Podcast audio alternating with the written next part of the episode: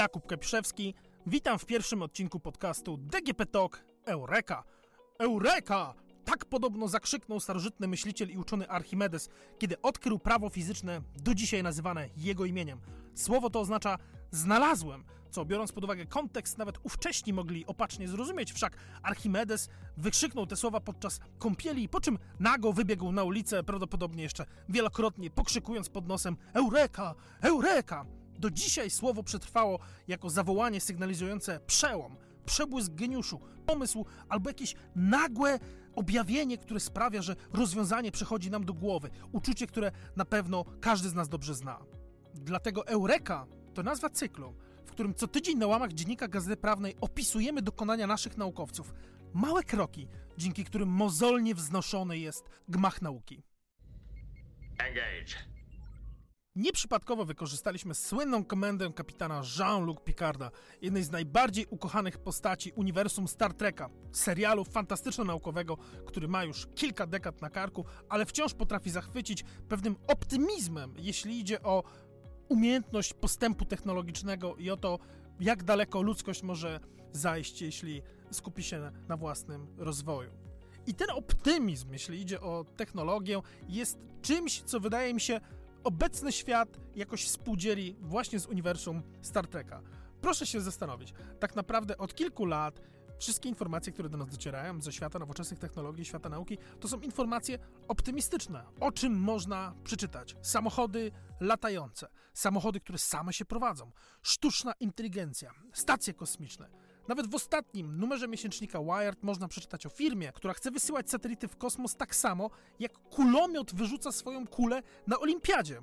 Firma nazywa się Spin Launch zabezpieczyła 80 milionów finansowania i właśnie w porcie kosmicznym należącym do Sir Richarda Bransona, a Sir Richard Branson taki ma, bo niedługo chce wysyłać turystów w kosmos, zbuduje pierwszą dużą wersję swojej katapulty. I w świecie Elonów Masków, SpaceXów, konstelacji satelitarnych, komputerów kwantowych, małych elektrowni atomowych, łatwo zapomnieć, że postęp nie składa się wyłącznie z odkryć, z których potem media mogą zrobić chwytliwe nagłówki.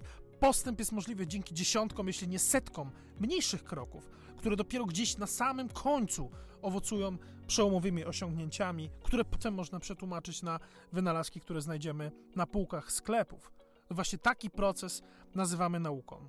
I to jej poświęcony jest cykl Eureka DGP. I fakt, że piszemy o tych mniejszych krokach, wcale nie znaczy, że są one mniej seksowne niż chociażby latający samochód. O nie, wręcz przeciwnie. Eureka DGP w tym roku ma 7 lat, to już jest siódma edycja, czyli od 7 lat po prostu piszemy o tym, czym zajmują się polscy naukowcy i muszę wam powiedzieć, czego my tutaj nie mieliśmy. O panie, wystarczy sięgnąć nawet na samą listę nagrodzonych przez te wszystkie lata wynalazków, ponieważ Eureka DGP też jest konkursem.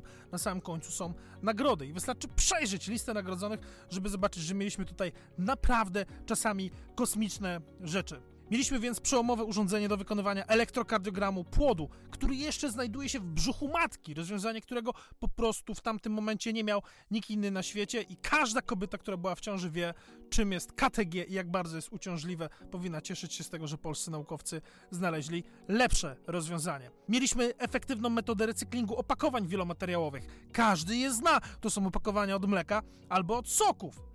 Dzięki tej metodzie można odzyskać nie tylko papier, co się głównie robi dotychczas, ale też tworzywa sztuczne i aluminium, które również wchodzą w skład tychże opakowań.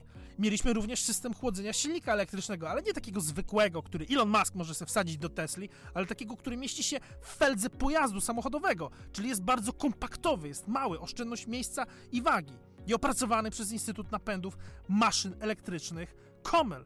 Mieliśmy innowacyjne siatki chirurgiczne, lżejsze i wytrzymalsze od tych dostępnych właśnie na rynku.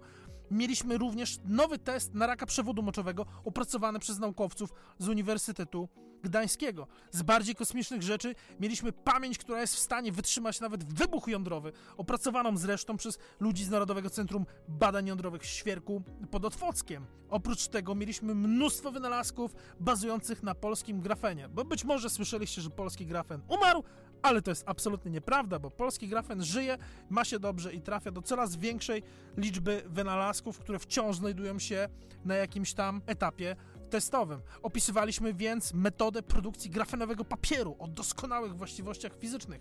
Pisaliśmy o sposobie wytwarzania nanopłatków grafenu, ich zawiesiny w wodzie, którą naukowcy z SGGW warszawskiej chcieli zamienić w metodę walki z nowotworami. Także, szanowne panie i szanowni panowie, w naszym eurekowym emporium mieliśmy dotychczas wynalazki ze wszystkich dziedzin wiedzy.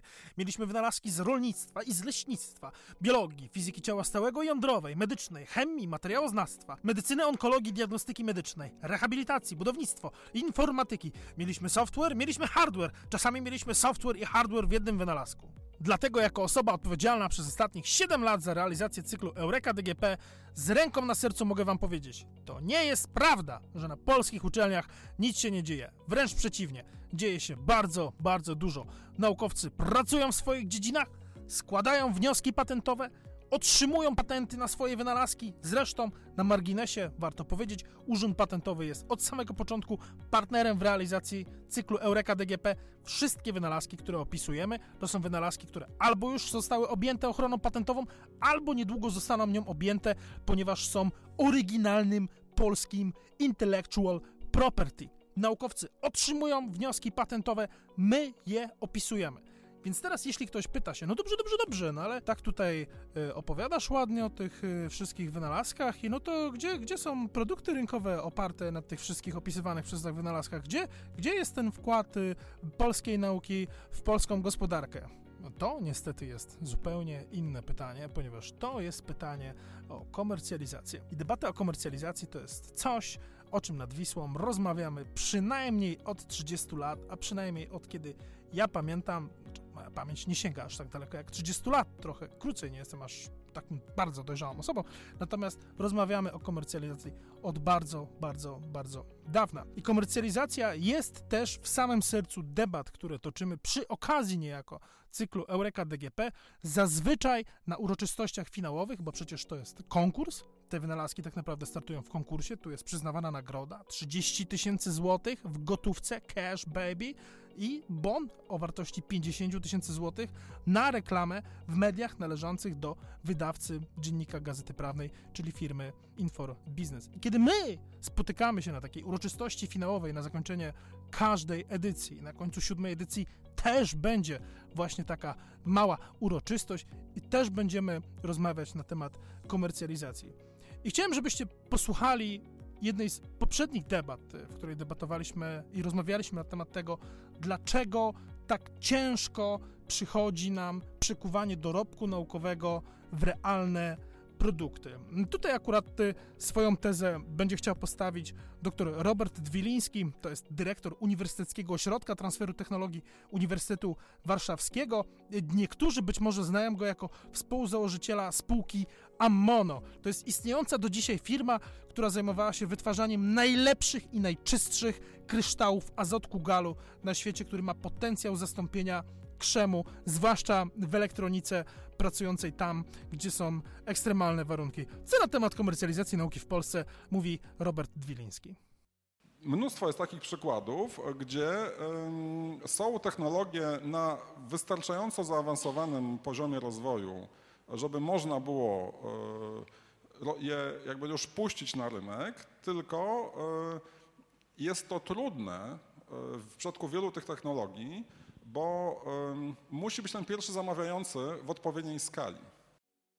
Warto podkreślić, że to się już zmienia. Chwilę wcześniej dr Dwiliński cytował innego naukowca niezwykle zaangażowanego w proces rozkręcania komercjalizacji nauki w Polsce, profesora Tadeusza Ula z Krakowa, który jest zresztą właścicielem dosyć dużej firmy komercjalizującej naukę, ale tak na marginesie. Cytuję dr Dwiliński profesora Ula, który apeluje do władz na jednej z takich dużych konferencji naukowych, żeby złożyły zamówienie na 200 wodorowych autobusów po to, żeby wreszcie pchnąć produkcję wodorowego autobusu do przodu, że tylko kiedy pojawi się takie duże zamówienie, prywatnemu biznesowi będzie się opłacało, żeby tą technologię doprowadzić do końca, do takiego etapu, który będzie się nadawał do wypuszczenia na rynek. I co jest bardzo ciekawe, coś takiego właśnie się dzieje. Może nie w przypadku wodorowych autobusów, ale w przypadku elektrycznych autobusów Narodowe Centrum Badań i Rozwoju ma taki bardzo duży program, który właśnie ma groszem publicznym zasilić wyposażanie samorządów w elektryczne autobusy, więc w tym sensie, chociaż w tej jednej skromnej dziedzinie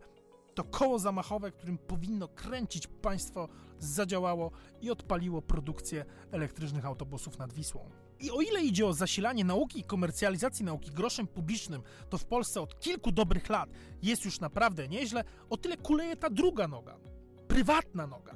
Czyli ta noga, w której biznes przychodzi do nauki i mówi: Proszę mi zrobić to, ja bym chciał wdrożyć tamto, tutaj mam pieniądze, tu jest parę milionów euro, chciałbym postawić fabrykę czegoś nowoczesnego, chcę wyjść spoza swojej niszy rynkowej, chcę unowocześnić swój produkt, muszę stawić czoła globalnej konkurencji.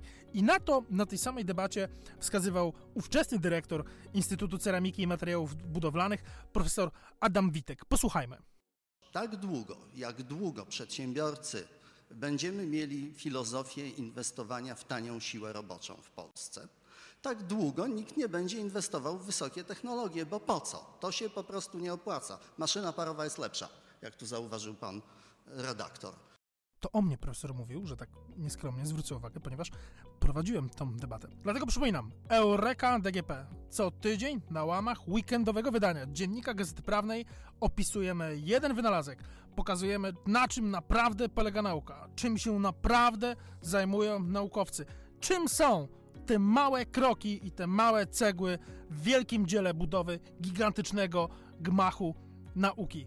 Co tydzień na łamach weekendowego wydania Dziennika Gazety Prawnej od końca stycznia do połowy czerwca, kiedy będzie ogłoszony wielki finał i poznamy zwycięzcę siódmej edycji, który otrzyma nagrody, o których już wspomniałem. A jednocześnie w audiosferze my słyszymy się serią podcastów towarzyszących cyklowi Eureka DGP, w których będziemy omawiać wynalazki opisywane również na łamach weekendowego wydania Dziennika Gazety Prawnej, a jest na co czekać, dlatego że lista wynalazków jest naprawdę, naprawdę, naprawdę ciekawa. Przytoczę teraz tylko kilka przykładów. Urządzenie do gaszenia płomieni falami akustycznymi, gaszenie pożarów dźwiękiem technologia recyklingu odpadów baterii litowo-jonowych. To jest absolutnie kolosalna dziedzina i kolosalne pieniądze do zarobienia dla kogoś, kto będzie potrafił zrobić to dobrze. Sposób wytwarzania światłowodu aktywnego.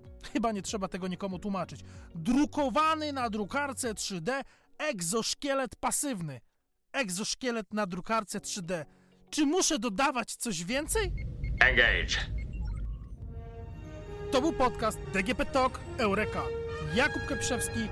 Dzięki za uwagę i do usłyszenia w następnym odcinku.